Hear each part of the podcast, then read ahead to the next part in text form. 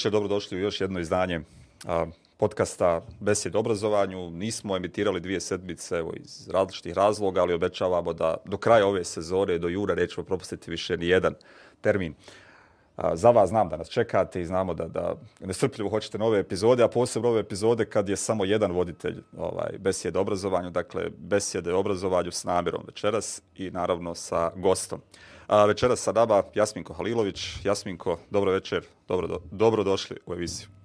Dobro večer, hvala na pozivu. Uh, direktor Muzeja ratnog djetinjstva i autor uh, vrlo važne knjige Djetinjstvo u ratu, zapravo koja je bila preteča, preteča samog muzeja. No, prije nego što se vratimo ovom domaćem izdanju muzeja, što je zanimljivo, već nekoliko godina u Ukrajini zapravo imate svoju ispostavu muzeja a, ratnog djetinjstva, aktuelna situacija, kako je osoblje muzeja ratnog djetinjstva u Ukrajini i koje su, koje su najnovije vijesti vezano za njih? Da, pa Muzej ratnog djetinjstva od 2018. godine je prisutan u Ukrajini kroz jedan mali istraživački projekt koji je 2020. godine doživio, da kažem, bio je uozbiljen. Nakon što su nam prišli određeni partneri i donatori koji su vidjeli i čuli da smo mi prisutni u Ukrajini, oni su nam ponudili da otvorimo svoj ofis, e, to jest ured u Kijevu i da postanemo malo prisutniji još u zemlji. Jer mi smo dotad imali vrlo mali istraživački projekt koji je bio fokusiran samo na istog zemlje. Ja, gdje je rat zapravo bio 14. Da. E, 2020. otvaramo taj ured, zapošljavamo prve uposlenike. E, sada naš tim u Ukrajini trenutno ima oko desetak ljudi. Radimo u nekoliko regiona u Ukrajini. E, nažalost, desilo se što se desilo, jeli ovaj, svi e, slušalci koji nas slušaju, koji nas gledaju, znaju. E, to je priličan udar na našu organizaciju u smislu sigurnosti kolekcije i sigurnosti uposlenika. Mi u Kijevu u našem uredu imamo, mi nemamo dakle muzej u Ukrajini, imamo ured, imamo putujuće izložbe, imamo i istraživačke aktivnosti. E, u Kijevu u, u našem uredu stoji e, je naš arhiv i tamo imamo svoju ukrajinsku kolekciju, eksponati koje smo prikupili od e, djece i mladih, kažem i mladih zato što e, mnogi koji su imali 15 godina kad je počeo rad, 16 godina, sad imaju 23, 24 godine, tako smo mi radili s njima. Mm -hmm. ovaj, e, većina te kolekcije je nažalost ostala u Kijevu. E, ja sam uspio neposredno prije početka napada sam bio u Kijevu i uspio sam iznijeti određeni broj eksponata sa sobom. E, mi imamo neke zakazane izložbe u Evropi, Sarajevo, mm -hmm. Beograd, Priština, Venecija i već smo planirali da neke od eksponata iz Ukrajine izložimo na tim izložbama, onda smo zbog ove situacije malo pojačali taj broj, tako da trenutno van Ukrajine imamo oko 20% naše ukrajinske kolekcije, mm -hmm. što je dovoljno da, da, da izlažemo o Ukrajini dok ovo traje. E, nažalost, 80% kolekcije ostaje u Kijevu i e, sad ostaje nam samo da pratimo mm. kako će se ovo razvijati.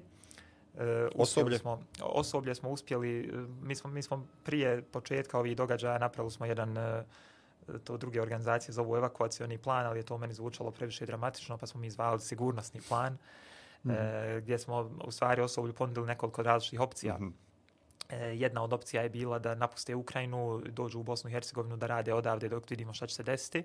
Druge opcije su bile, kao mnoge organizacije, su pomjerile svoje urede u, na zapad Ukrajine. Hmm. E, naše osoblje to odbilo, oni su odlučili da ostanu u Ukrajini i ne samo da su ostali, pardon, da ostanu u Kijevu, i ne samo da su ostali u Kijevu, nego su i zapravo do prije, e, prije tri sedmice smo zatvorili izložbu u Hersonu. Hmm. Herson je grad koji je sad dosta u medijima zato što se tu vode velike borbe. Nalazi se samo 100 km e, od Krima. E, tako da e, već tad su tenzije bile vrlo jake, ali naš tim u Ukrajini odlučio da je važno da se izložba desi i desila se. Bila je dosta uspješna. E, tako da smo se mi faktički tim se tek vratio sa izložbom mm. u Herson neki 7, 8, 9 dana prije što će se ovo desiti. I tad sam ja otišao u Kijev da ih posjetim, da vidim e, kakva je situacija, iskažem određenu podršku. E, oni su odlučili da ostanu u Kijevu. Kad se napad desio, uh, oni su odlučili da ipak žele izaći iz Kijeva. Da, da, da. Tako da smo onda ovaj zadnjih dana smo radili na uh, da im asistiramo da izađu, imali smo određene mjere koje smo naprijed pripremili, automobile, vozači i tako dalje, tako da naši full time uposlenici koji rade na puno radno vrijeme su sada napustili Kijev, nalaze se na zapadu zemlje. E, sada pokušavamo asistirati ovim našim saradnicima koji rade na pola radnog vremena i pokušavamo asistirati nekim od članova porodice. Mm -hmm. e, to je jedan kompleksan proces zato što stvari mijenjaju sata u sat, a mi smo opet mala Da, organizacija, nismo tako. velika. A vjerovatno je takvih zahtjeva mnogo i od drugih organizacija, vlasti i za druge stanovnike Kijeva, vjerovatno. Da, postoje naravno, svako tako. se bori za svoje ljude. Mi, mi smo pokušali nešto ovaj, osigurati podršku za svoje. Mislim da smo uspjeli solidno. Sad već se naš fokus pomalo pomiče na to šta, to jest po fokus našeg tima u Ukrajini, šta oni mogu da urade u ovom trenutku. Da, kako je stanje? Evo, kad jeste li se, evo, zadnji put kad ste čuli sa, sa nekim iz, iz Kijeva, kako je stanje tamo? Kako je... Pa situacija stvarno brzo mijenja. E, Ja imam puno prijatelja u Kijevu, e, kažem uposlenici sada već na zapadu zemlje. Ovaj, stanje je onako pomalo u Kijevu ima napada, eksplozija, pucanja. Zadnjih možda 24 sata je to malo e, pasivnije, Mhm. da kažem. Ali ovaj, e, stanje nije dobro ljudi. Mislim, naše uposlenice su spavale u metro stanicama, jednostavno stanje nije normalno, ljudi se boje, u podrumima su, e, još uvijek e, ne djeluje kao da su ti napadi potpuno e, usmjereni prema civilima, ali e, dešavaju se nažalost i Da, civilne smo, žrtve. Danas je došla vijest ili jučer, ne znam, ovih dana je došla vijest i o prvom muzeju koji je uništen, tako da, da imamo i tu društvenu infrastrukturu koja Mm. postaje meta, imali smo bolnice, vrtiće već, tako da ovaj ne izgleda dobro, ali se nadam da će biti bolje. Da, rat nikad naravno nije, nije dobar. Jer posebno kada, kada krenu ovako, vjerovatno neočekivano i za ljude, bez obzira koliko se pričalo, rat uvijek iznenadi u, neko, u nekom trenutku. Uh, dobro, dakle, vratit ćemo se možda kasnije kada budemo govorili još o iskustvima djetinstva, uh, ratnog djetinstva u, u, u Sarajevu, pa da vidimo da povežemo sa, sa iskustvima ili pričama u Ukrajini i ovo od prije sedam godina. I kasnije, ovo sad se vratimo na sam muzej. Nedavno ste proslavili pet godina muzeja ratnog djetinstva ovdje. A, čime ste zadovoljni posebno? Dakle, šta je od svih aktivnosti brojnih koji ste imali u ovom pro periodu i prije samog gostivanja, pripravama i osnivanja Muzeja ratnog djetinjstva, či, šta vam je posebno drago, šta vam je posebno bitno ili važno? Šta biste istekli ovdje? Da, obilježili smo u februaru pet godina od uh, otvaranja m, stalne Smo postavke u. Sarajevu. Projekt je nešto stariji od toga. E, htjeli smo to da proslavimo, ali nažalost desilo se u isto vrijeme kad je ovi događaj u Ukrajini, ali jesmo to obilježili kroz niz aktivnosti. E, što se tiče onoga što je radio Muzej ratnog djetinstva i što je uradio ovih pet godina, e, ne bih sad izdvajao neke e, pojedinačne aktivnosti, ali mogu više reći ovako e, sistemski, što mene Mhm. više zanima, e, jeste s čime sam ja najviše zadovoljan. E, jedan segment je e, služenje zajednici. Mm. E, mislim da je Muzej ratnog djetinstva u ovom periodu e, uspio izgraditi jed- jedan vrlo dubok, e, kvalitetan i e, smislen odnos sa zajednicom i u Bosni i Hercegovini na drugim mjestima gdje mi radimo, posebno u Bosni i Hercegovini, na što sam posebno ponosan jer mi jesmo bosansko-hercegovačka organizacija i dalje. E, povezali smo se s ljudima na jednom e, nivou koji možda nije toliko uobičajen. Mhm. Mnogi ljudi ne znaju, ali e, recimo, ljudi misle kad neko donira predmet u muzej, to je to, ali to su kontakti koji traju Mm. godinama.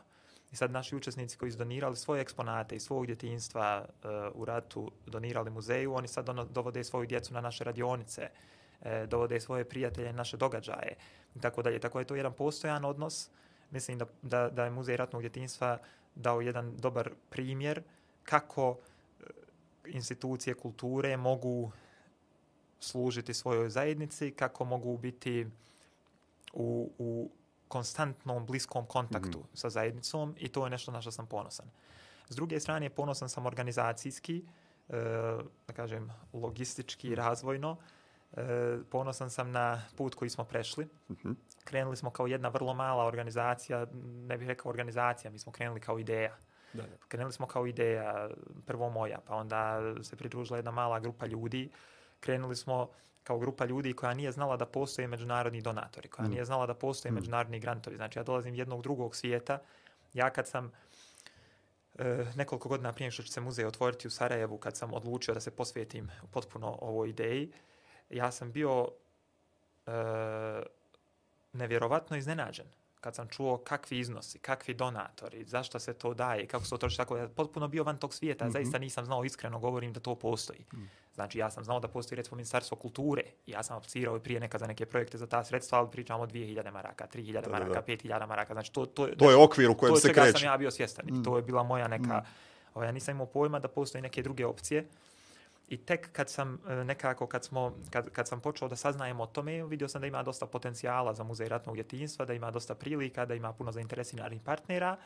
I hoću da kažem, krenuli smo iz jedne takve pozicije, znači ne sa nule, nego iz nekog minusa, da, da, da. neke pozicije nesvijesti ni koje su mogućnosti. E, smo krenuli i prošli smo jedan put do organizacije koja sada ima urede u četiri države, osim e, Kijeva i Sarajeva imamo urede u Hagu i u Njorku, e, do organizacije koja danas je, e, mislim sad smo u jednoj prelomnoj tački, ali evo već polako prelamamo, postaje konkurentna međunarodno kad je u pitanju zapošljavanja ljudi. Evo recimo daću primjer, no, naš novi kolega koji se pridružio iz Holandije, on je 23 godine bio direktor edukativnih programa kuće Jane Frank u Amsterdamu. Mm, I sada je direktor edukativnih programa za ratnog djetinjstva. To je sjajno. Znači mi sada pravimo taj jedan e, za mene ključni korak kako da umjesto bosko-hercegovačka ili istočno-evropska mala organizacija postane međunarodna organizacija koja je konkurentna I kad kažem konkurentna, mislim na svaki mogući način. Mm. E, ekspertiza i iskustvo koji su nam potrebni u ovom trenutku organizacijskog razvoja nisu dostupni na našem tržištu. Tako je. I mi više u Bosni i Hercegovini, pa čak ni u Ukrajini, mi ne možemo naći e, one ljude koje nam trebaju. Recimo ovaj kolega kojeg spominjem, on je u 80 država svijeta proširio edukativne programe Kućane Frank u zadnjih 20 da, godina. To je nevjerovatno zdalje, iskustvo. I sada a nama treba upravo da se uradi taj posao. Znači mi smo došli u jedan trenutak gdje su naši kapaciteti koje smo imali kao Bosansko-Hercegovačka organizacija, pa čak i kao BH organizacija s uredom u Ukrajini, e, udarili smo u plafon i mi smo sada u situaciji gdje moramo dovesti ljude koji znaju više od nas, mm. koji su sposobniji od nas, e, ako hoćemo da organizacija dalje raste i razvija se. Taj korak je težak, zato što većina e, međunarodnih organizacija se razvija u suprotnom pravcu. One dolaze iz razvijenih društava mm. na istok Evrope, u Afriku, u Aziju. Da, da, tako u druga, druga okruženja gdje je to potrebno. Yes. Mm. I vi kad dolazite iz Švicarske ili iz Danske ili iz Amerike u Bosnu i Hercegovinu da radite kao organizacija, vi za platu jedne osobe u Švicarskoj možete zaposliti pet ljudi da, u Sarajevu. A kad idete u suprotnom pravcu... Obrat, onda, pet ljudi koji jest, rade ovdje morate zapravo platiti tako, osobu tamo. Tako da ovaj, to je, e, kako mi je rekla jedna ovaj konsultantica koja me savjetovala, e, pripremi se na uphill battle, to je e, put uzbrdo, konstantno i to je e, izazov je svaki taj korak. Mm -hmm. Ali zato sam, zato sam počeo o tome pričati kad se pitao naš sam najponosniji. Ponosan sam da mi ipak idemo tim putem. Sjajno. Uporno pravimo te korake i vjerujem, vjerujem, ako budemo posvećeno radili još 8 do 10 godina od danas, -hmm. mislim da ćemo postići ciljeve koje smo zacrtali, a oni su jako veliki u, u ovom razvoju o kojem govorite, dakle, je li bilo nekih planova nečega što ste htjeli da uradite, a ili ste odustali, ili vas je neko nešto spriječio, ili ste shvatili na kraju da je dobro što niste, se, što niste ostvarili te stvari? Pa bilo je dosta takvih stvari i mi smo vrlo dinamična organizacija. Mm -hmm. Ja mhm. sam uh, došao u ovaj svijet, ovaj neprofitni svijet, sam došao iz biznisa i pokušao sam unijeti dio te kulture mm -hmm. u organizaciju, tako da je inovacija vrlo dobro došla. Dobro došle su intervencije u planove, uredio da se od stvari odustane, da se rade druge stvari i tako dalje. Tako da smo dosta fleksibilni i ne držimo se slijepo svega što mm -hmm. uh, pokušamo, dosta stvari isprobavamo i od nekih odustajemo. Imali smo recimo nekoliko takvih stvari, e, recimo kupili smo jedan objekat u blizini muzeja e, ratnog djetinjstva u starom gradu u Sarajevu. E, htjeli smo da tu proširimo dio naših aktivnosti, da napravimo neku vrstu kulturnog centra. Onda smo vidjeli... To se čini za treći rođe da promovirali yes, koliko yes. se sjeća geste. Onda smo vidjeli da niti ima interesa niti podrške za to u zajednici mm -hmm. e, dovoljno i onda je došla i pandemija. Pa smo recimo da, da. morali promijeniti odustat, malo planova i odustati od toga. Mm. Tako da bilo je takvih stvari operativno. Bilo je nažalost stvari od kojih nismo odustali, nismo uspjeli da ih uradimo. E, na primjer, e, kad sam e, pisao e, 2012. godine sam pisao prvi koncept muzeja ratnog djetinjstva, ono što je muzej danas vrlo slično tome što sam ja tad e, napisao, mm -hmm. e, mhm. ali ne potpuno. Imao sam recimo nadu da će muzej mnogo brže uspjeti da radi na prostoru cijele Bosne i Hercegovine e, jednakim intenzitetom ili približno jednakim. Mi to nismo uspjeli. Ali, ne nismo uspjeli. E, probali ste? Da, probali smo. Nama su potpuno zatvorena vrata, recimo u školama u Republici Srpskoj, zbog Ministarstva obrazovanja Republike Srpske. E, išli smo na sastanak sa ministrom. E, međunarodni partneri su pokušavali da, da lobiraju za to. E, na sastanku je ministar rekao, ja sam pregledao smo materijale, vidimo da ovdje nema ništa problematično ali jednostavno politička situacija je takva da mi ne možemo dobijemo recimo dozvolu da radimo sa školama iz Republike Srpske. Tako Niti da, da recimo predmeti djece koja su odrastala u Republici Srpskoj za vrijeme rata postaru dio... To se dešava. Ja, zato, što to, zato što to ne zavisi od sistema. Aha, to zavisi dakle, od pojedinaca. pojedinaca ali vam daju dozvolu. eksponate. Okay. sad je došao eksponat iz Banja Luke prije nekoliko dana. Znači, eksponati dolaze. Ali u smislu da nije ministarstvu ili vlasti u RS-u važno da imaju takvu vrstu priče? E, mislim, teško je. Mm -hmm. Iz mnogo razloga. ovaj, teško je, e, mislim, čak i kad govorimo na, na individualnom nivou, e, nije uravnotežen doprinos e, sa područja RS-a, doprinos područja yes. federacije. Naravno, naša kolekcija je dominantno Sarajevska, pa onda e, ovaj neki dio mhm. širi mm -hmm. pojas o federacije, možda bih. E, nemamo mi previše eksponata iz Republike Srpske, ali ih imamo. To. Ovaj, vrlo je teško ako se bavite ratom na bilo koji način, pa čak i na ovaj način na koji to radi Muzej ratnog djetinjstva, što ja vjerujem da je konstruktivan jedan način. Mm -hmm ovaj, opet vi dolazite iz Sarajeva i u očima, e, možda ne toliko ljudi, ali u očima struktura vlasti u mm. Srpskoj i tako dalje, vi ste e, označeni kao Sarajevska organizacija. Ali mislim, bez obzira na sve šta mi uradili, ja, ja sam prije mislio da e, bio sam frustriran i mislio sam da moramo hitno, da rješavamo, da mijenjamo, da ovo, da ono, onda sam shvatio da je problem veći od nas. Uh, problem je dublji, on je sistemski, uh, problem je vrijednosni. Uh, mi ne možemo očekivati da, da ljudi koji su, pa evo na kraju krajeva ako hoćete i oko ove Ukrajine, koji jedini u Evropi ne daju podršku Ukrajini.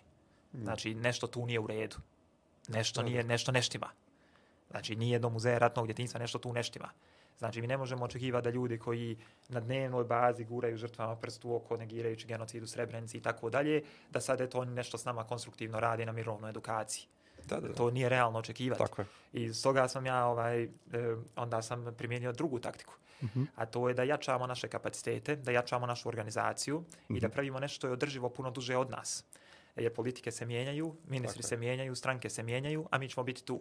Ja radili vjerujem ste, da će jednog je, dana doći trenutak. Hoće, hoće, radili ste, kad ste već spomenuli Srebrenicu, dakle radili ste sa Memorialni centrum Srebrenicu, vrlo važan projekat koji se tiče isto kreiranja priča koje su bitne. Kakva je, kakav je odjek za, za, za taj projekat bio sa, sa dva, dva bitna memorijska muzeja u, u Bosni i Hercegovini. Radili smo s memorialnim centrom, dakle, e, prvo e, istraživačko-dokumentacioni projekat gdje smo preko 100 ljudi smo intervjuisali koji su bili djeca tokom genocida, preživjeli. E, također smo prikupljali lične predmete i priče i stvorili smo taj jedan arhiv.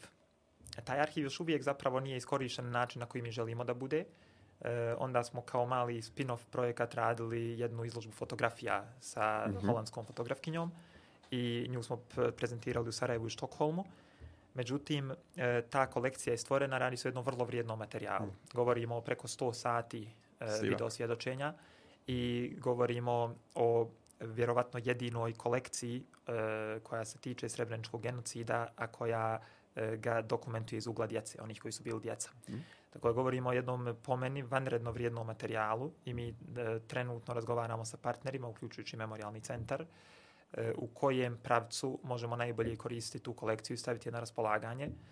Ima tu više opcija od e, stalne postavke u Srebrenici do nekih putujućih izložbi. U svakom slučaju mi cijelu svoju kolekciju, pa tako i tu kolekciju prevodimo na engleski jezik, tako da će biti dostupna istraživačima iz cijelog svijeta. Tako da ima tu dosta nekih stvari, a e, još, još uvijek e, ne možemo tačno reći šta će, šta će biti s tom kolekcijom. A, sad samo da, da, da se vratimo na ovaj muzejsku organizaciju. Dakle, govorite o ovome što imate prekrasno iskustvo vezano za rast muzeja koji nadilazi lokalne okvire, a onda stavimo muzej ratnog djetinstva u okruženje ili kontekst muzeja u Bosni i Hercegovini, koji čini bi se imaju ovu drugu putanju ono, sve više zatvaranja, odnosno neširenja priče, čast izuzetcima, čast pojedinim aspektima, ali čini mi se da većina muzeja postojećih koji imaju dužu tradiciju od muzeja ratnog djetinstva zapravo nemaju ovaj neki evolutivni, evolutivni dio. Uh, je li to, jesu li to strukture vlasti krive za, za takvu vrstu doživljaja muzeja ili zajednica šira? Ja mislim, e, prije svega želim e, reći da posljednjih godina e, imam određeni optimizam kad je u pitanju mm -hmm. muzejska scena u Bosni i Hercegovini. Meni djeluje da imamo pozitivne trendove. Mm -hmm. Čini mi se, vidim to u mnogim muzejima, da dolazi do određenog buđenja, do inovacije, do prihvatanja novih praksi i mislim da se to već sada i posjetioci mogu da vide. Ako mhm. odu u historijski muzej Bosne i Hercegovine, vidjet će da je on mnogo aktivniji nego što je bio prije 5 ili 10 godina. postavki različitih. Ako ovaj, odu u zemaljski muzej, vidjet će isto tako. Muzej književnosti, tako, tako da čini mi se, čini mi se da, da uh, imamo razloga za blagi optimizam, mm. umjereni optimizam. Ono što ostaje prepreka napretku, napre, ozbiljnom napretku muzejske industrije u Bosni i Hercegovini je nekoliko stvari. E, prije svega, ali to nije samo vezano za muzejsku industriju, već uopšte za kulturnu industriju. Da, da. E, potrebna je e, promjena e, pristupa od strane donosioca odluka. Dakle, potrebni su pravi ljudi na pravim mjestima, potrebne su prave strategije razvoja i mislim sad ovo što mi pričamo su opća mjesta i svako to zna da su potrebne promjene, nije sporno. Ali imaju primjere da to može funkcionirati. Potrebne su promjene. Mislim, vidite, recimo Hrvatska, Zagreb, oni su solidan primjer Zagreb, sada grad sa najviše muzeja po uh, kilometru kvadratnom na svijetu. Čini se da imaju trenutno aktivnih oko 100 muzeja na, mm. ovaj, na, na 800.000 stanovnika. Jel? Sarajevu e, grad je možda 400-450 hiljada stanovnika, imamo možda aktivnih 20 muzeja. Tako da znači to je najmanje dva i puta manje. Da, da. Da, da. Ovaj, mislim, uh, ono što bih više volio da vidim jeste kvalitetne neovisne muzejske inicijative. Mm. Mislim da tu ima dosta prostora i već se neke inicijative pojavljuju. Naravno, publika to ne vidi jer su samo u formi inicijativa, ali evo ja sam baš eh, danas razgovarao sa jednom muzejskom mm -hmm. inicijativom. E, mislim da, da pojava kvalitetnih neovisnih muzejskih inicijativa će doprinijeti dinamici muzejskog sektora u Bosni i Hercegovini. Mislim da smo mi doprinijeli. Mm. Mislim da smo mi svojim primjerom, mi smo doveli 2019. godine u Sarajevo e, jednu od najvećih evropskih muzejskih konferencija. Doveli smo 200 muzejskih eksperata iz cijelog svijeta, iz Evrope najviše, iz 40 država. E, dali smo priliku muzejskim profesionalcima iz Bosne i Hercegovine da se upoznaju, da razgovaraju, da razmijene prakse i iskustva takva vrsta događaja, takva vrsta djelovanja je važna. Nažalost, e, ovdje su očekivanja obično u nesrazmjeru sa resursima. Mm. Naše publike putuju. E, vi putujete, mi putujemo, idemo u Njemačku, idemo u Francusku, idemo u Italiju, vidimo što muzeji tamo rade i onda kažemo naši muzeji ne valjaju. Mm. E, da bi naši muzeji dostigli te standarde u njihovim programima i aktivnostima i djelovanju, oni moraju imati i slične resurse. Kažem resurse, ne mislim samo novac, mislim i na ovu izloženost, je, edukaciju i tako dalje. Ljude koji su... Ljude i tako dalje. Tako da ovaj, e, kompleksna je to, kao i sve, mm. sve drugo u životu, jel? kompleksna je stvar. E, opet e, sve možemo, ili većinu toga možemo svesti na novac, e, dok država e, ne, ne počne da ozbiljno strateški pristupa i brine se o svom kulturnom nasljeđu, E, vrlo teško i nerealno je očekivati i kriviti muzejske profesionalce tako, i muzeje za stanje tako, u tim muzejima. Tako, apsolutno. Slažem se. Onda bi bilo dobro da je tu jedan miks gdje osim države koja brine o svom e, e, kulturnom nasljeđu, također to bude država koja ohrabruje neovisne muzejske inicijative i onda dobijamo jedan zanimljivi miks gdje imamo ove tradicionalne državne muzeje koji cvjetaju, a imamo i neke kreativne e, projekte različitih organizacija, ako hoćete i kompanija i, hmm, i koji pojedinaca. Koji su uže usmjereni na neki segment. Koji su možda usmjereni uže i koji, koji možda nemaju, uh, nemaju uvijek uh, neku veliku težinu i vrijednost. U Zagrebu imate recimo, ne znam, sad uh, nekakve zabavne muzeje, ne znam, Tako. muzeji torture, ovog onog.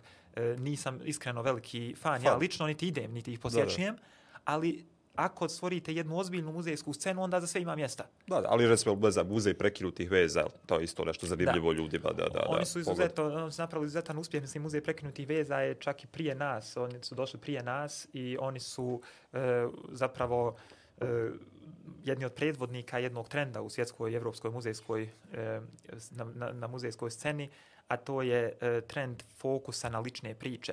Što je zapravo i gdje, muzej ratnog djetinstva. Da, gdje, gdje muzeji e, umjesto ambicije da predstavljaju priču države, mm. priču mm. naroda, priču nacije, e, idu jedan korak unazad i kažu mi ćemo predstaviti priče ljudi. Mm. I mislim da je to nešto publike danas traže mm. i mislim da je to jedna od stvari zašto je Muzej ratnog djetinstva e, osvojio srca publike. Mm. Zato što nismo imali ambiciju da predstavimo priče e, velike narative mm. e, država, naroda, gradova i tako dalje. Ali opet smo... s druge strane velike priče. da, za nas velike, da, da, da. da. da. Ali, ali hoću da kažem da je recimo muzej, muzej e, prekinuti veza jedan dobar primjer kako jedna mala neovisna inicijativa može privući mm. mnogo pažnje. Oni su dobitnici raznih nagrada u muzejskoj industriji, jedno od najposjećenijih mjesta u Zagrebu, koji je ozbiljna turistička destinacija, tri puta više turista od Sarajeva. Ima Tako da e, mislim da, da na, na zdravoj muzejskoj sceni ima mjesta gotovo za sve, mm. uz naravno respektovanje barem nekih e, standarda da se ne zove sve muzeom, da, da. nego da se barem zadovolje neki minimalni standardi. A, to je tako. Međutim, vi ste krenuli iz ove priče lične koje ste vaše iskustvo, pa onda iskustvo ljudi koji su vam se javili, čega je nastala knjiga Djetinjstvo u ratu. A, Mene zanima, možete li se vi sad vratiti u, u taj period kada ste vi, ne znam, čitali različita iskustva ljudi iz rata koja su vam pisali? Kako je to izgledalo? Kako ste to uspoređivali sa svojim? Je li vam nešto tih priča pomoglo da neku vi stvar drugačije doživite? Odnosno da vam je potpuno promijenila vizuru o nečemu o čemu ste imali drugačije mišljenje? Pa naravno da jeste. Ja kad sam počeo raditi na ovom 2010. godine, ja sam mislio, ja sam bio dijete u ratu, moji prijatelji su bili dijete u ratu, ja znam sve o tome. Hmm. Međutim, kad sam počeo pri, primati ta sjećanja i priče od drugih ljudi, ja shvatio da ja pojma nemam. Hmm. E, mislim, rekao sam ovo prilično oštro, ali zaista sam hmm. se tako osjećao. E, jer, ne znam, primio sam primio sam sjećanja e, ljudi koji su bili u domu za nezbrinutu djecu. Mm. Pa šta onda mogu ja da znam o tom iskustvu? Mm. Ja sam tad shvatio da je e, da ljudi unutar jedne ulice koji su živjeli u istoj ulici mogu imati e, dva iskustva koja se gotovo pa nisu srela. Tako da ovaj jesam, jesam bio ne mogu reći iznenađen, ali bio sam bio sam e, osjećao sam se kao da sam uskočio u nešto što je preveliko i gdje se neće snaći. Mm. Jer ja sam mislio, kad sam počeo taj projekt, prvo mislio sam ja ću to kratko, ja ću samo knjigu, nisam tad imao uopšte ideju o muzeju. Da, da. I to je bila kao neka moja ono sa strane aktivnost uz neke moje poslove i ja sam mislio, ok, e, ali jednostavno čim sam počeo čitati te priče i suočio se s tim što mi je dolazilo, ja sam shvatio da sam ušao u nešto što je za mnogi od tih ljudi važnije nego za mene. Mm. I da, da, onda mi je nekako cijela moja uloga u tome je postala nebitna. Ja sam shvatio da e, za razliku od mene, koji sam e, potpuno funkcionalan i kome je to eto, neki dio mog identiteta i odrastanja, hmm. ja sam shvatio da su, da su neki od ljudi koji učestvuju u knjizi bili ranjeni u ratu i danas e, sami ne izlaze iz kuće zbog traume koju su preživjeli. Znači, ja sam shvatio da postoji cijela jedna zajednica ljudi koja je na različite načine e, obilježena tim iskustvom. Različitim intenzitetom traume. Da. I od, od ljudi koji nisu nikad došli u Sarajevo zato što su tu nešto preživjeli, selili su se mm. i prolazili su pored Sarajeva, nikad nisu stali jer nisu jeli da su oče sa tim gradom više od takvih ljudi, od kojih je jedna došla u Sarajevo onda zbog knjige. Mm. Ovaj, pa, Mogu pa, misliti, to je prekrasna priča. Da, čak me njena mama onda zvala da, ovaj, da, da, da, da se zahvali što smo je vratili u njen rodni grad. A to je bilo nakon 18 godina mm. što je izašla. Ali ovaj, ja sam tad shvatio nekoliko stvari, ali glavna stvar koju sam shvatio od konkretno i na tom njenom primjeru, jer ona došla za promociju knjige, ja sam shvatio da taj projekt, ta ideja, ta, e, ta zajednica koja se oko te ideje stvara, može da utječe na živote ljudi. Mm. I to onda za mene više nije bila samo knjiga i kasnije samo muzej. Tako. To je za mene bila zajednica i to je za mene bio pokret i to je za mene bio alat mm.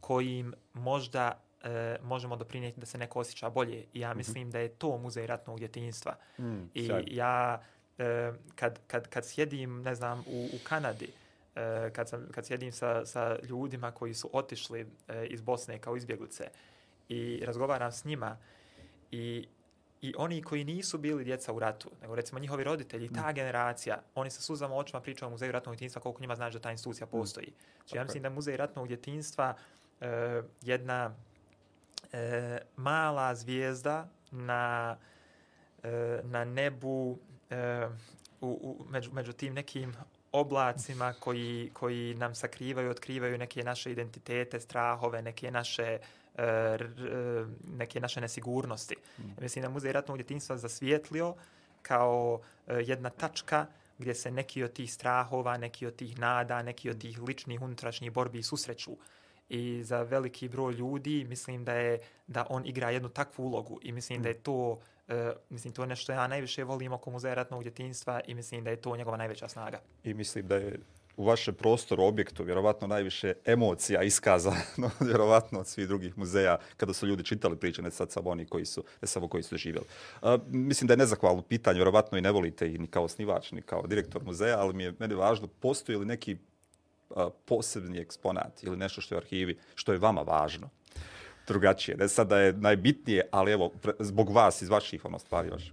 Ne, principijalno ovaj, sam odlučio prije nekog godina da neću nikad odgovoriti na takvo pitanje, ali ne zato, mislim, Razumijem. jasno je, mislim, publika Muzeja ratnog utinstva vrlo obrazovana publika. E, to je publika koja može svašta da razumije. I ne bi se to u publici desilo sad da ja kažem neki eksponat, ne bi sad ljudi mislili, ja vidi on to izdvajanje, mu je to, to više ovo, važno. Ovo je doslovno zbog vašeg ličnog ono, znam, znam, da, znam. Da, da. Uh, ja mislim da je, da je fair i pošteno je da, da svako ko dođe u muzej ratnog mm. djetinjstva, pa tako i ja, Do, jer ja kao dođem. posjetitelj. Jeste da ima neku priču koja, koja, s, s kojom se možda može lakše povezati mhm. nego, nego, nego sa ostalim pričama. I tako i ja sam imao neke priče.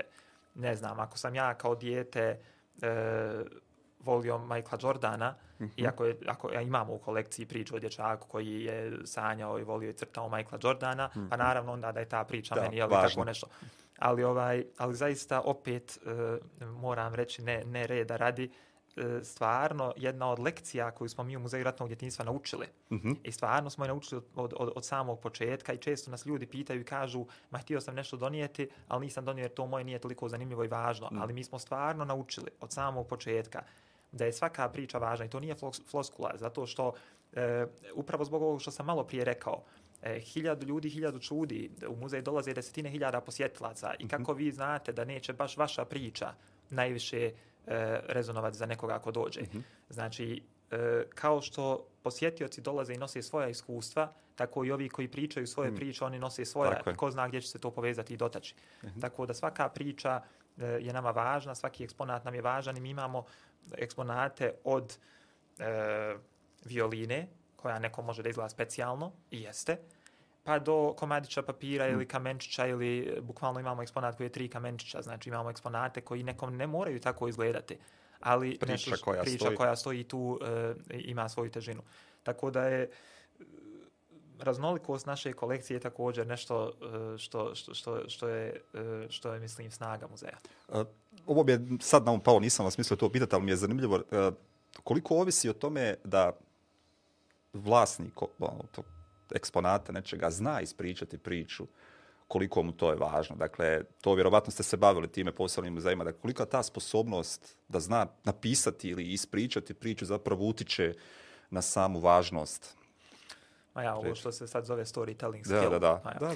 Ovaj, e, mislim, naravno, nemaju svi ljudi jednak taj da. talent, niti treba da imaju isto kao što tako, nemamo ni tako, druge talente. Da.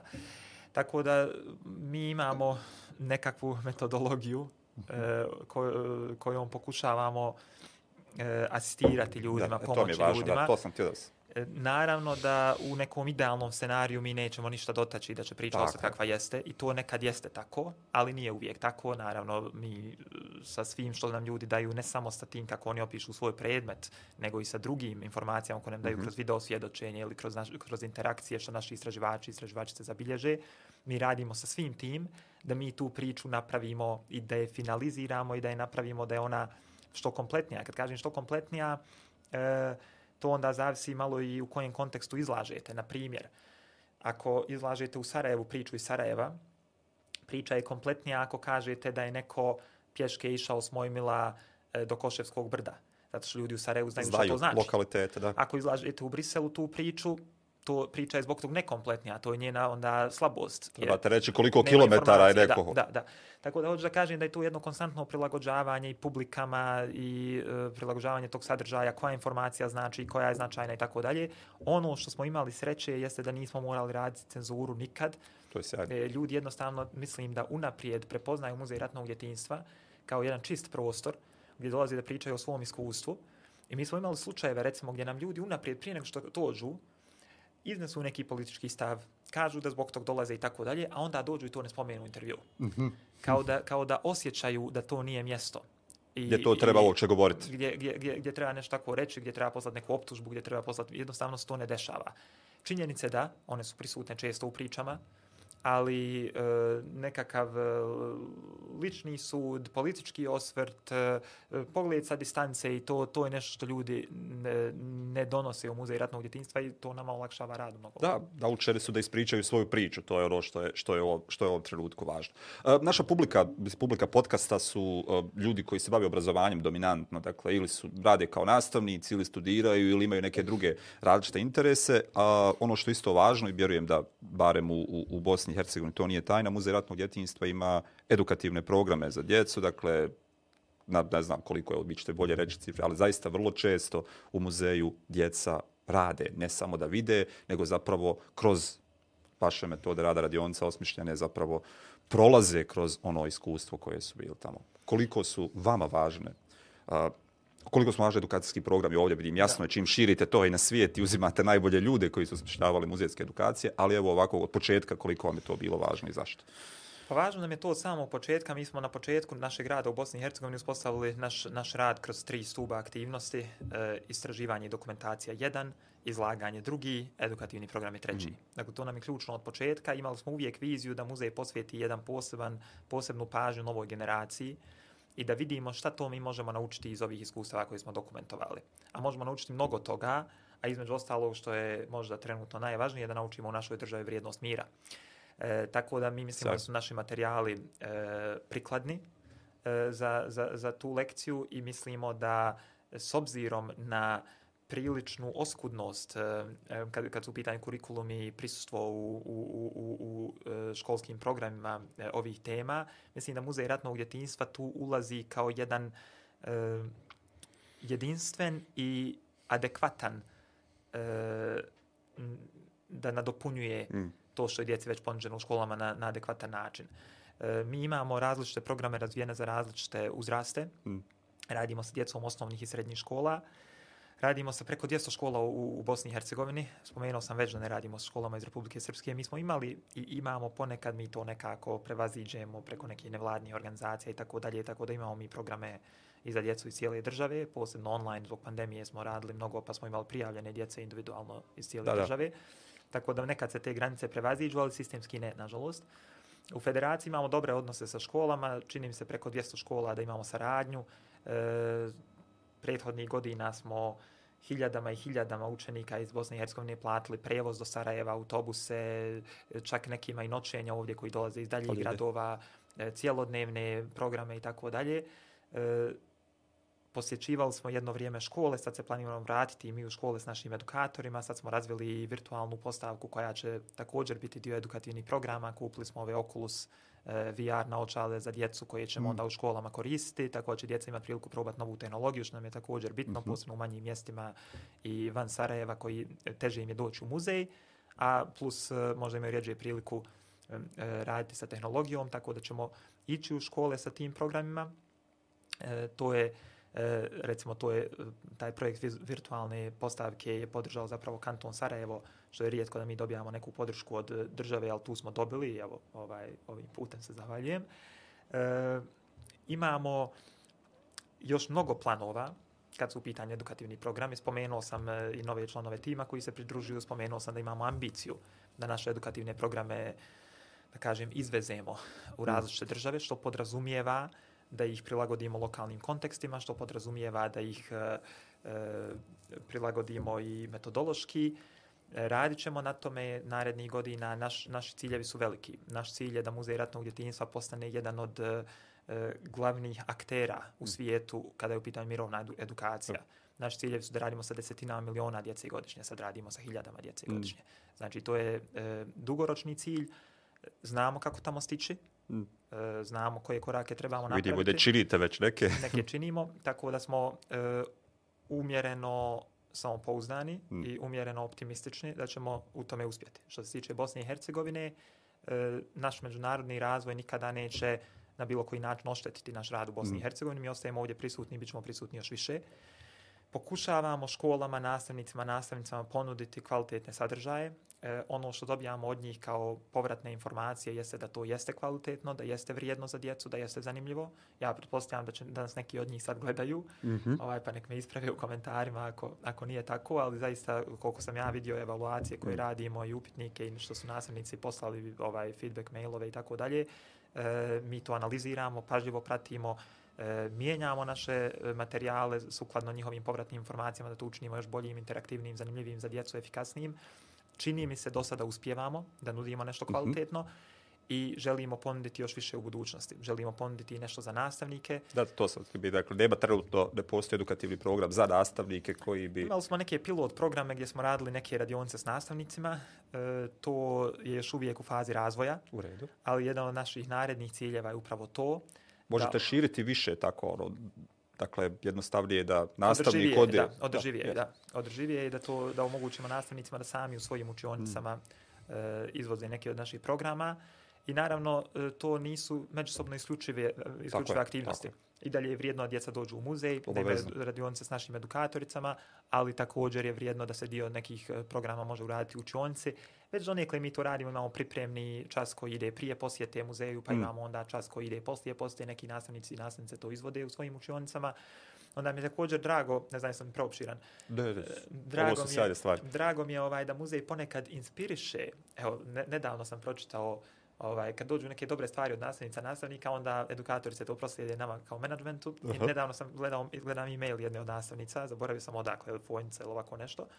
Ovaj, I ona kaže, kao posjeta muzeja ratnog djetinjstva, radionice koje su djeca imali i tako dalje, inspirisala nas je da uradimo nešto u svojoj ovaj zajednici, uh -huh. pa smo zasadili neko drvo mira ispred škole uh -huh. i tako dalje. Tako da dešava se, dakle, i to se dešava. E sad ćemo ići još u jednom pravicu, pokušat ćemo animirati i same učenike da oni rade u svojim zajednicama, mm. da oni educiraju svoje porodice, da educiraju svoje prijatelje, svoje članove razreda i tako dalje. E, tu ima veliki potencijal za muzej ratnog djetinjstva zato što dosta djece u muzej dolazi sa porodicama, a ne sa razredima. I onda bi oni zapravo mogli da budu ti edukatori u svojim razredima. Tako da ćemo ići u tom pravcu i to je jedna od stvari koje ćemo realizirati.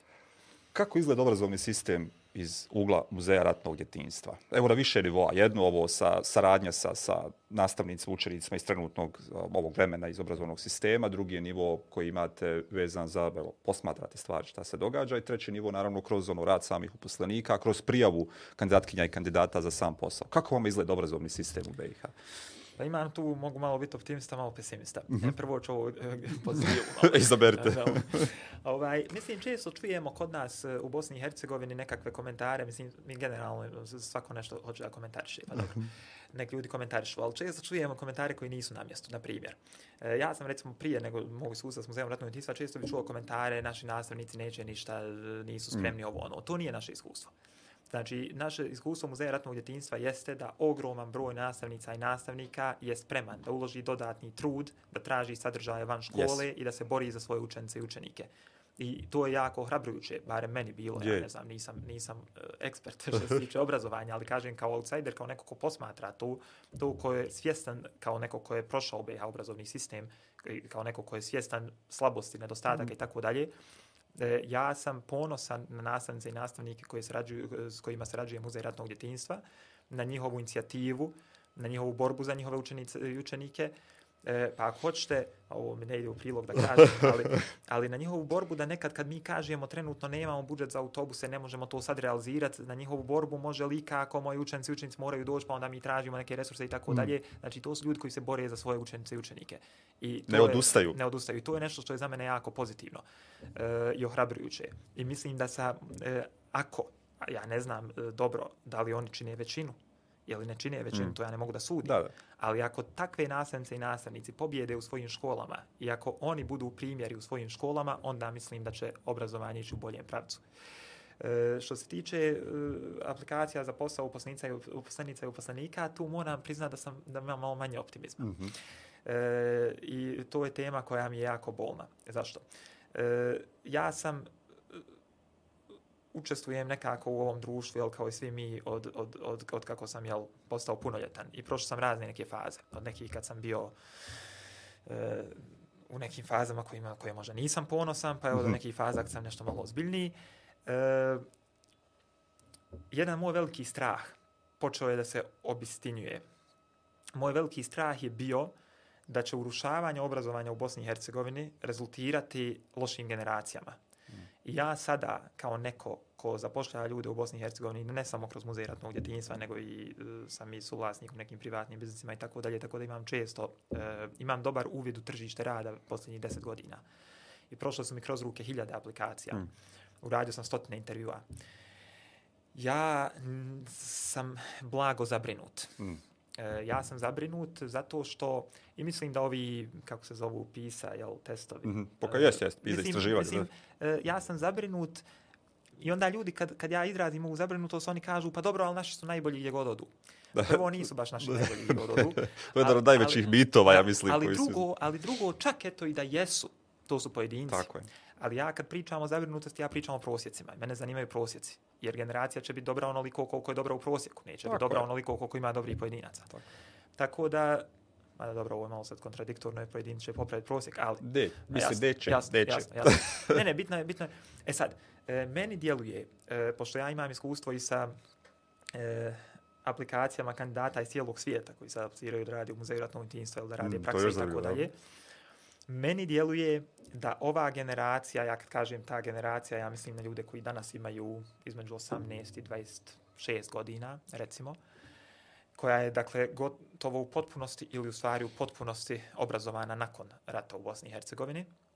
Meni djeluje da ta generacija kaska za e, svojim vršnjacima iz Evrope. Jest. I to je e, izvor moje brige i to je e, nešto što mislim da će društvo morati osjetiti u svakom svom segmentu. Mm. E sad, e, da bi se to nešto, e, ako, sad, ako uzmemo pretpostav, ako pretpostavimo da sam ja u pravu mm. i da to jest tako kako se meni čini na osnovu tog mog uzorka koji nije ni mali da stvar bude gora. I dubinski je, dakle, nije to, radi se o tome da ste vi vidjeli nešto kratko, nego ste zapravo... Pa eto, je... prolazio sam kroz te aplikacije, intervju, sali smo te ljude i nisam to radio sam, imali smo komisije i grupe ljudi i, dijelimo, I razgovarali ste o tome, i mi dijelimo da. ovaj utisak. E sad, uh, ono što je meni, uh, što me još više brine, jeste evo sad kad bi se danas preko noći sve promijenilo u obrazovnom sistemu, e, onda treba da prođe 15 godina da izađe nova generacija. Rezultat, da. Evo 15, koliko je? 8 godina osnovne škole i 4 srednje, 12 da. godina. 9 poslovne, sad 9, 13 godina, smo 15 godina. Da. Znači, kad bi se sad preko noći sve promijenilo, tek za 15 godina E, ćemo mi možda biti konkurentniji. Pri čemu to trebamo da radimo sa kadrovima o kojima govorite? Da, tako da e, tu za razhodno gdje sam malo prije pokušao optimizma da ubacim, tu nisam e, veliki mm. optimista. Mm. Zabrinut sam i ne znam kuda taj voz ide. Mm. Ne vidim dovoljno hrabrosti ni u reformama. Mm. Nisam izbliza pratio, pokušao sam malo da pratim. E, nisam stvarno znači kompetentan da govorim, mm -hmm. ali mi djeluje kao i mnogim drugim stvarima u našoj zemlji. Svi mm -hmm. znaju šta bi to trebalo, ali niko nema hrabrosti da to uradi, da presječe. U hotove možemo koliko god, ali bojim se da bismo otišli daleko i vjerovatno bih govorio ja. Ali ovaj nije, nije. Ono što mene zanima, dakle, vi ste 88. godište, jeste li prvi razred 95. četvrte? Četvrte. Četvrte, znači ratno, krenuli ste, krenuli ste ratu. Kako, izgleda, kako je izgledalo vaš vaš put kroz postratno obrazovanje, evo nešto malo ratno i kasnije postratno. Šta je vama škola značila, koliko vam je bila bitna, koliko vam je pomogla, odmogla? Ja želim da vjerujem, a mislim želim, ko, koji vjerujem, da je moja generacija jedna od posljednjih generacija koja je uhvatila malo neki ozbiljniji pristup tom osnovnoškolskom srednjoškolskom obrazovanju. Uh mhm. -huh. A mislim, ovo stvarno može zvučati prepotentno, ja stvarno nisam kompetentan i možda da, griješim. Ovdje govori, govorite iz svog iskustva, dakle, da, to, to, to jeste. Mislim, moja generacija je dala uh, vrlo solidnih ljudi. Mislim, ljudi iz koji su još samo u Muracad predaju novu celu u Londonu. Mislim, mi smo dali solidnih ljudi. I ja sam se nekako nadao da će ta generacija više iščupa društvo i da će ga mm. više povući naprijed. Neki od njih čupaju druga društva i ja ih ne krivim. Ali ovaj, uh, E, mislim da nismo uspjeli raditi dovoljno, ali što se tiče tog obrazovanja, mislim, mi smo krenuli u školu u nadrealnim okolnostima, mislim, mi smo stajali u red na velikom odmoru da nam se naspije toplog mlijeka, pisali smo na razvaljenoj tabli nekakvu koja je bila naslonjena na zid, nije visla na zidu, u podrumu. Ulicefovi, sveskava. E, bili smo u zgradi koja nije školska zgrada i tako dalje i tako dalje. Dakle, krenuli smo u školu u takvim uslovima i vjerovatno se i ocjene tu šakom i kapom dijelile i nije to ništa bilo savršeno, niti je bilo nešto, ali čini mi se da je odnos cijelog društva prema školi još uvijek bio drugačiji. Aha. Odnos roditelja. Ja nisam imao podršku svojih roditelja kad nešto nešto imao u školu. Podršku su imali nastavnice i nastavnici. Uvijek sam ja bio kriv, ne kažem ni da je to ispravno. Može, sad, može se sad diskutovati, raspravljati šta je Tako je. ispravno. Ali zaista pokazuje tu vrstu Ali je bila razlika. Jeste. Bila je razlika. I mislim da je u ovakvom sistemu obrazovanja takav odnos rezultira boljim obrazovanjem. Ne kažem da je sistem dobar, možda Tako ga je, treba je. potpuno promijeniti. Ali Ali zapravo, zapravo, kakav jest. Jeste, ovako kako je postavljen, to bi bilo prirodno. Jeste. I moja generacija je nekako tako prošla. Mi smo tako prošli, mi smo imali pritisak isti, uravnotežen i u kući i u školi. Mhm. I uvijek je bio pritisak prema tome uči, uči, uči. Sad mi djeluje nekako da su porodice postali protivnici škole. Ocjena Da su- je jedina Ocjena stvar. je jedina stvar i da to izgleda kao sad neka borba, mi se borimo da nam dijete ima bolje ocjena, a škola zla ona nam ne da. Da, E, da. A, a Doslovno nije je borimo se jedni i drugi da dijete nešto nauči. Stvarno u mojoj generaciji nije bilo tako, se ja ne sjećam da je bilo tako. Stvarno nije bilo tako. E, to je po meni jedna nesretna promjena koja osim toga što nije došlo do ozbiljnih reformi u obrazovanju je još onda odnemogla Mm. e, da, da ovo kakvo jest bude možda nešto efikasnije. Da, da. Uh, de, neću preskočiti pitanje, iako smo zaista ušli, čini mi se, u, u, u ovaj drugi sat, ali mi je ovo važno. Dakle, spominjao sam malo prije vladu kantona Sarajevo koja je pomogla za ove virtualne, virtualne postavke. Imate epizodu sa vladom kantona Sarajevo koja ne samo da nije pomogla, nego je zapravo vas oklevetala, iznijela potpuno lažne informacije i insistirala na njima. Govorimo o ministru sudu Ali smo, Kadiću. da. Jeste, na sudu ste. To me zanima. Dakle, koji je proces? Je li To makar je sud... druga vlada, nije ova. Mislim, vlada Znam, je padala. znam, znam. Yes, yes, da, da, ministar Ja. Ali Kadić je bio, Yes, tako, yes. dakle, to je... Mislim, mi smo, Muzej ratnog djetinjstva je od svog nastanka u nekakvom sukobu s politikama. Zašto smo mi u sukobu s politikama? Mi smo prvo bili u sukobu sa Ministarstvom e, federalnim kulture. Mhm. Mi smo pravili muzej koji je, mi smo imali neke putujuće izložbe, već smo imali e, velike svjetske medije koji su pisali o nama kao jedinstvenoj muzejskoj ideji i tako dalje.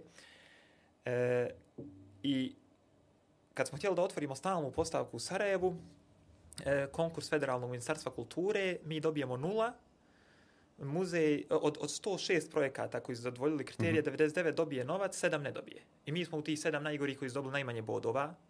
O nama piše u tom trenutku BBC, CNN, New York Times, uh, imamo uh, recenzije muzejskih eksperata u Evropi da je to što radimo vrijedi, imamo podršku zajednice, imamo izložbu koju je posjetilo za 10 dana 4000 ljudi u Sarajevu i imamo prostor, imamo novac da ga renoviramo, mi tražimo još neku podršku ministarstva i mi dobijemo najmanje bodova. Na istom konkursu Muzej Duhana Široki brijeg dobije 15.000 maraka. Ni tad, a to je bilo prije 8 godina, mm -hmm. ni tad, ni prije 6, ni prije 4, ni prije 2, ni danas, nećete naći riječ o tom muzeju Duhana nigdje na internetu. Znači, stvar ne postoji.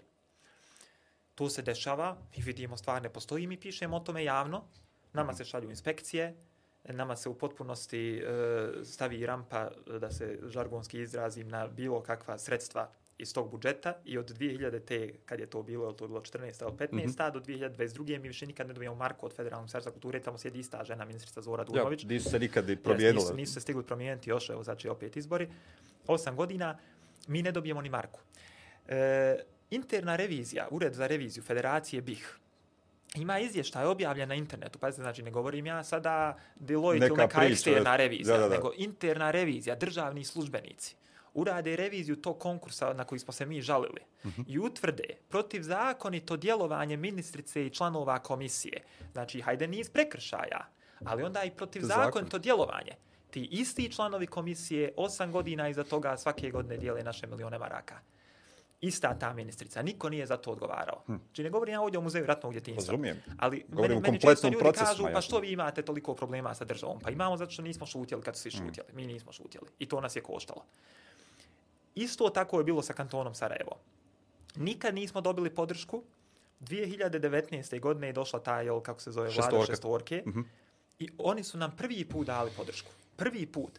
U stvari, evo, nisam rekao istinu. Dobili smo 2000, nekad 15. i 5000 maraka kad smo pripremali muzej, mm -hmm. na primjer. Okay. Evo, čisto da, da bude. 2019. dođe ta vlada, mi apliciramo i mi dobijemo. Nama je to bilo nevjerovatno. Mi smo sjedili u muzeju i nama je to bilo nevjerovatno da smo mi dobili neka ozbiljnija sredstva. Dobili smo 50.000 maraka. Da, da. Što, što su ozbiljna sredstva za kanton Sarajevo. Mislim, za, za našu državu to ozbiljna sredstva. E, mislim, muzej ratnog djetinjstva se razvija jako brzo. I nama je od 2016. godine danas budžet se uduplao svake godine. Tako da nama, za nas ta sredstva svake godine sve manja. Da. Ali, su, u, u državi u kojoj Važna. se daje po dvije, po tri, po pet, po deset hiljada. To su znači država sredstva. prepoznala da radite dobru To su stvar. velika sredstva. I mi smo tad prvi put dobili ta sredstva i mi smo rekli, mi, mislim, nama je bilo nevjerovatno da, da je došla vlada koja smatra da to što mi radimo vrijedi. I mi smo onda radili još više. I mi smo, Ali vi ste zapravo to radili vezano za edukaciju djece. to smo radili, taj novac smo utrošili za te programe sa školama. sprog- da. aha, Da, da, to- da, da, to- kako se sjećam, da, da. I onda se vlada mijenja, e, pala je vlada, ne znam sad kako je to bilo, je Jest. li neka prodaja ruku ili nije izašla s Onda ove se neke stranke. su petak izašle. 13, Jest, jest. izašle s ove stranke. Jeste, DF, SBB, jest, jeste. jest, jest, jest. Dolazi nova vlada i, i to počinje pandemija. I tačno dolazi ta vlada u pandemiju, početak 2020. godine, i u nacrtu budžeta je za nas opet planiran taj isti iznos. I sad u pandemiji nama otkazuju neki donatori, e, nema više prodaje karata, nama staju prihod, 40% gubimo budžeta godišnjeg za mjesec dana. Vrlo jasno ste o tome govorili i I mi se obratimo vladi i kažemo, molimo vas da ubrzate taj konkurs i tu isplatu, zato da ne moramo otpuštati ljude Tako, jer smo stvarno u krizi. A oni na to nikad ne odgovore, naprave konkurs, mi apliciramo i mi jedini od svih za koje su sredstva bili planirani dobijemo nula. U pokušaju po meni da se zatvori muzej ratnog djetinjstva u pandemiji. To je bila SDA vlada, SDA ministar kulture. U redu, mi dobijemo nula, jedini mi. Jazz Festu se smanje sredstva, East West Centru se smanje sredstva, a nama se stave na nulu. E, to, to je bio nastavak jednog obračuna te stranke sa Muzejom ratnog djetinjstva koji je trajao i prije na još prljavim metodama, pisanjem da smo mi izdajnici, da mi se bavimo izjednačavanjem krivice i tako dalje. E, izađu ti rezultati konkursa, mi napravimo saopštenje za javnost. Smanjena su nam sredstva sa 50.000 na nula, opravdali smo sredstva prošle godine, aplicirali smo, zadovoljili smo, izašli smo na listi ministarstva da smo zadovoljili sve kriterije. Ako smo zadovoljili, bila planirana sredstva, zašto smo dobili nula, može li komisija da javno objavi objašnjenja i podatke? Da, da. Kriterije koje su Yes. koristili. Znači, mi opet govorimo, opet ne šutimo. I kao kazna što mi govorimo, e, 40 minuta nakon našeg saopštenja, u 35 medija u federaciji izlazi u istom trenutku informacija, e, ne informacija, informacija bi trebalo biti tačno, jel? Izlazi kleveta, e, o našem radu, o našim platama i Plaća. tako dalje. E, E sad, se ja tu mogu naširoko da pričam, ali ovaj... E, Mislim, to je bio jedan najprljaviji napad na kulturnu instituciju od strane vlasti koji je desio ikad u Bosni i Hercegovini. E, to je bio napad e, izveden preko čovjeka koji je postavljen e, greškom za ministra kulture. Jer je trebao Hadži Hafizbegović biti pa je Trebao rekao... nešto pa su u neku korupciju uhvatili, jel, da nekog zapošljava preko, Mislim preko da je- telefona, namjestit će oni kod njega mjesto. Jest, na ono bilo, ono Jest. nešto, jest, Jeste, jest. uhvatili su ga u korupciji, pa onda ovaj neće to njega, pa će staviti ovog. I oni su njega, ono čovjeka iznenadili, zdigli ga sa spavanja, vjerovatno iznenada za ministra i on kako je došao, tu se nije snašao, dobio nalog da, da ovaj, ošteti muzej ratnog djetinjstva, Jazz Fest i, i svesti koga još, što ima još malo nezavisne kulture u Sarajevu. I ovaj, i, i on je to uradio, ali uradio vrlo nespretno. Uradio do te mjere nespretno da je recimo, e sad tu dolazimo do obrazovanja. On je to uradio tako nespretno da je recimo u svom saopštenju kao jedan od dokaza stavio, Podravko. ne, ne, ne, ajde to, to stavio je e, jednu od stranica iz našeg izvještaja za prethodnu godinu da podrži tezu broj 2, a teza broj 3 mu je bila da nismo iz- opravdali sredstva za prošlu godinu. To, to, to je nevjerovatno. Da, da. Kao, kao, Funkcionalno znanje nije na nivou. Nije, na nivo- ali nije samo to problem. Problem je onda što 30-40 medija to prenese i ništa im tu nije čudno. Ja ne vidim A zašto to. to prenesu? Pa zato što i oni prošli, ti novinari su prošli kroz isti taj sistem. Oni prenesu Excel tabelu i kažu ovo je platna lista i dokaz plate. Znači, mi I da ste vi trošili društvu- sredstva države da vlastite u kojem, plaće. u kojem novinari ne znaju razliku između Excel tabele i platne liste. Da. Pa je li to normalno? Da li ti novinari dobiju svoje plate, ali oni radi na crno, jesu prijavljeni, dobiju li oni na kraju mjeseca platu, video kako izgleda platna lista. Znači, meni je to bilo nevjerovatno da se to može desiti. Tu je bilo mnogo medija koji nisu instruirani. Tako je, nego nego su po inerciji niz vodu- preuzeli. niz Da, da, vodu. da. Ovaj, kako voda ide i oni ovaj, sjeli u čamac. I, i, i sad, e, ja, mi smo se desili u toj situaciji gdje odjednom sada čitava država priča laži i tu je, on je imao devet tačaka, svi devet su bile lažni. I on je imao jednu tačnu osam, Da, da, nego da. devet bilo laž. I onda je došao, ne znam, negdje na medije, na Jest, jedan, N1, negdje, sam pa to, u, u 20 minuta imao 34 laži ili ovako nešto. Znači, on je samo lagao, lagao, lagao. I naravno, mi smo tužili. I sad oni taj proces odugovlače, u posljednji put sad zbog pandemije odgodili, kao advokatica imala covid, pa su odgodili, uspjeli opet odgoditi ročište, tako da još to sad se čeka. to Nastavlja ročište, se, znači jest. na sudskoj. Na Nastavlja sudskom sad to. nivou. E, nismo tužili neke medije i tužili smo vladu kantona i ministra za klevetu. E, nanesena nam ipak šteta, jer nažalost e, demant se nikad ne čuje koliko se čuje ta nekakva Vijest prva koja se proširi, ne širi niko demant istom. I, i, ljudi u društvima kako je bosansko-hercegovačko, oni i vole e, da se nekog pljune nešto i da se na nekog nešto kaže. I te vijesti jednostavno brže putuju.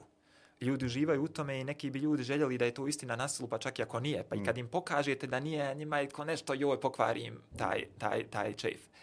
Tako da, ovaj, taj trač. Tako da mi jesmo objavili dokumente, mi jesmo pokazali šta je istina. Mislim, mi sad pričamo tu o nekim stvarima, ja ne mogu, mislim, to je... Uh, mi sad zapošljavamo ljude koji imaju tri puta veću platu od mene, mislim, ja ne mogu sad, ne znam odakle, ja sad da krenem da ja objasnim koliko je to sve deplasirano i kakve su, mislim, koliko je to sve smiješno. Da, da, da. Ovaj, mi smo sad organizacija, ove godine će budžet biti, ne znam, preko 2 miliona maraka, počeli smo sad 30.000. Znači, mi smo razluča organizacija, zapošljavamo ljude u nekoliko država. I, I bavite ta... se nek jednim kantonalnim ministrom u epizodi, dakle, bio da. koliko tu devet mjeseci. I, I sva ta, mislim, odmah. sredstva i sva ta priča i, mislim, mi kao organizacija imamo sreću da imamo vrlo stabilne inostrane izvore finansiranja. To su, to, u našem slučaju čak najčešće nisu vlade, to su da, da. pojedinci, bogati fondacije. To su ljudi koji finansiraju muzeje u cijelom svijetu. To su ljudi koji nama daju novac bez ograničenja, naš ćemo ga potrošiti i mi možemo da odredimo sebi plate kolike hoćemo. Zato što ste vi pokazali da radite ozbiljan posao koji su samo uvjeti. Da, ali hoću samo da kažem da, da, je, da je e, cijela ta e, postavka da su muzeji samo u redu ako direktori rade za crkavicu, da su muzeji samo u redu ako poslanici rade da, za crkavicu. Potpuno, da. Da, da, da, da, znači, ministar kulture, mislim, taj ministar ne možemo komentarisati, ali bilo koji, njegova misija treba biti da napravi atmosferu u kojoj će djeca sanja da radi jednog dana tako u muzejima. Je, tako je. Da sanjaju, da, umjesto da budu futbaleri, da sanjaju da rade u muzejima. A ne da se boje da rade u muzejima. Ne da ja imam uposlenicu sada koja je došla kod nas, zaposlila se i kaže jedva sam čekala prvu platu, ali znate što, jer mi niko u porodici nije vjerovao da će ikad dobiti. Znači, ljudi u Bosni i Hercegovini misle da ako radite u muzeju da ćete biti gladni hljeba. Ali Mislim, to se događa. To, to se, se nažalost događa. događa. Ali umjesto da. da pravimo e, društvo u kojem se to neće događati, mi ćemo naći taj jedan muzej koji je uspio iz neke inostrane izvora da obezbijedi opet, neke dostojanstvene plate. A opet s druge strane i... ćemo umjesto onoga što je, do čega su muzeji važni, koji govore o kontinuitetu, baštini, bitnim pričama i tako dalje, mi ćemo ono, koristiti elemente jeftinog busanja u prsa, mahanja, zastava, zaklinjanja u sve druge stvari, da, da. bez bilo kakve profite. Upotrebljavat ćemo muzeje umjesto da ih pravimo mjestima e, učenja, preispitivanja i dijelom uspješne kreativne industrije. 14% poslova u Evropi je sad uh, oslonjeno na kreativne industrije. Evropa ozbiljno sada ulaže ozbiljne napore i sredstva da kreativne industrije učini konkurentnim američkim i azijskim. Evropa vjeruje da je budućnost uh, ekonomije Evrope u kreativnim industrijama. Muzejska industrija je jedan dio toga. I umjesto da vidimo to kao potencijal, mi radimo to što radimo, ali to nije samo oko muzeja. Filmovi naši se snimaju u Mađarskoj, e, onda kad osvoje nagrade, onda se busamo u prsa, slikamo se, to su naše nagrade. Pa, Pozovemo reditelji, rediteljku, režisera to, to, da se... To su jasmiline nagrade. Tako je, apsolutno. naše nagrade. Tako je, tako je. O tome se radi. Uh, osim uh, kreativni, dakle, nama, ja mislim dalje da je obrazovanje temelj stvari. Dakle, mi kad bismo promijenili obrazovanje, kad bismo uzeli i vaše iskustvo i čitav niz svjetskih iskustava u drugačiju edukaciji djece i sa puno osposobljenijim nastavnicima, sa puno više slobode nastavnicima da mogu planirati svoje učenje i podučavanje, sa puno drugačije postavljenim stvarima na temelju, mislim da bismo i dobili i drugačije CV-en prijavi i prijave same za posao, da bi mladi ljudi znali čime se žele baviti, da ne bi imali problem da kažu to što treba da kažu, da se pobune protiv svih onih nepravdi unutar samog društva, što nažalost kod nas toga nema. Hvala mnogo uh, Jasminko za ovaj razgovor, ovo zaista mi je bilo ugodno i evo za kraj mi u trećoj sezoni tražimo od naših gosti u gošći da nam preporuče dvije knjige za čitanje, ne dim ja to pročitam, ali nadamo se da će, da će i svi gledateljice i gledatelji Čitao sam nedavno jednu knjigu e, od e, njemačko-bosansko-hercegovačkog autora Saše Stanišića, Porijeklo, ne znam jeste vi čitali. Nisam, znam za knjigu, ali nisam pročitao. Ovaj, to sam pročitao kad sam bio na putu u Cugu. I, e, Višegrad, je li tako? To je tema vezana za njegovo... E, generalno, nje, to je autobiografski roman. Je. Mm -hmm. vezano za njegovo iskustvo u mnogome u Njemačkoj također. Mm -hmm. Ili povratka kući i tako dalje. Tako da recimo e, tu knjigu iskreno preporučujem, ona je mm. dobila nagradu za roman godine yes. u Njemačkoj, čini mi se najveću njemačku književnu nagradu. E, mislim da je Saša odličan pisac e, i ovaj nju mogu preporučiti. Čekao se dvije, jel? Jeste. Trenutno sam uzeo da čitam e, filozofiju Palanke. Aha, Konstantinovića. Yes, nisam ranije to pročitao. Ovaj, I eto, po ovom što, što sam počeo da čitam, čini mi se da mogu preporučiti. Je, super. Ajde. Sjajna je i biografija uh, Cvetičanina o Konstantinoviću, Hronika, ono, čitav, Okay. dobro, sjajna je knjiga, obimna je i, i jasna, ali obilje podataka o tome kako smo zaista nekada bili drugačije društvo u kojem se, se ono, cijenile stvari o kojima ste upravo govorili u ovoj emisiji. Još jednom hvala vam puno, hvala gledateljicama i gledateljima koji su i ove srijede bili sa nama, hvala Imeru i hvala Nedimu što je duhom bio prisutan u ovoj emisiji. Hvala na pozivu i vidimo se ponovo, nadam se nekad. E, obavezno.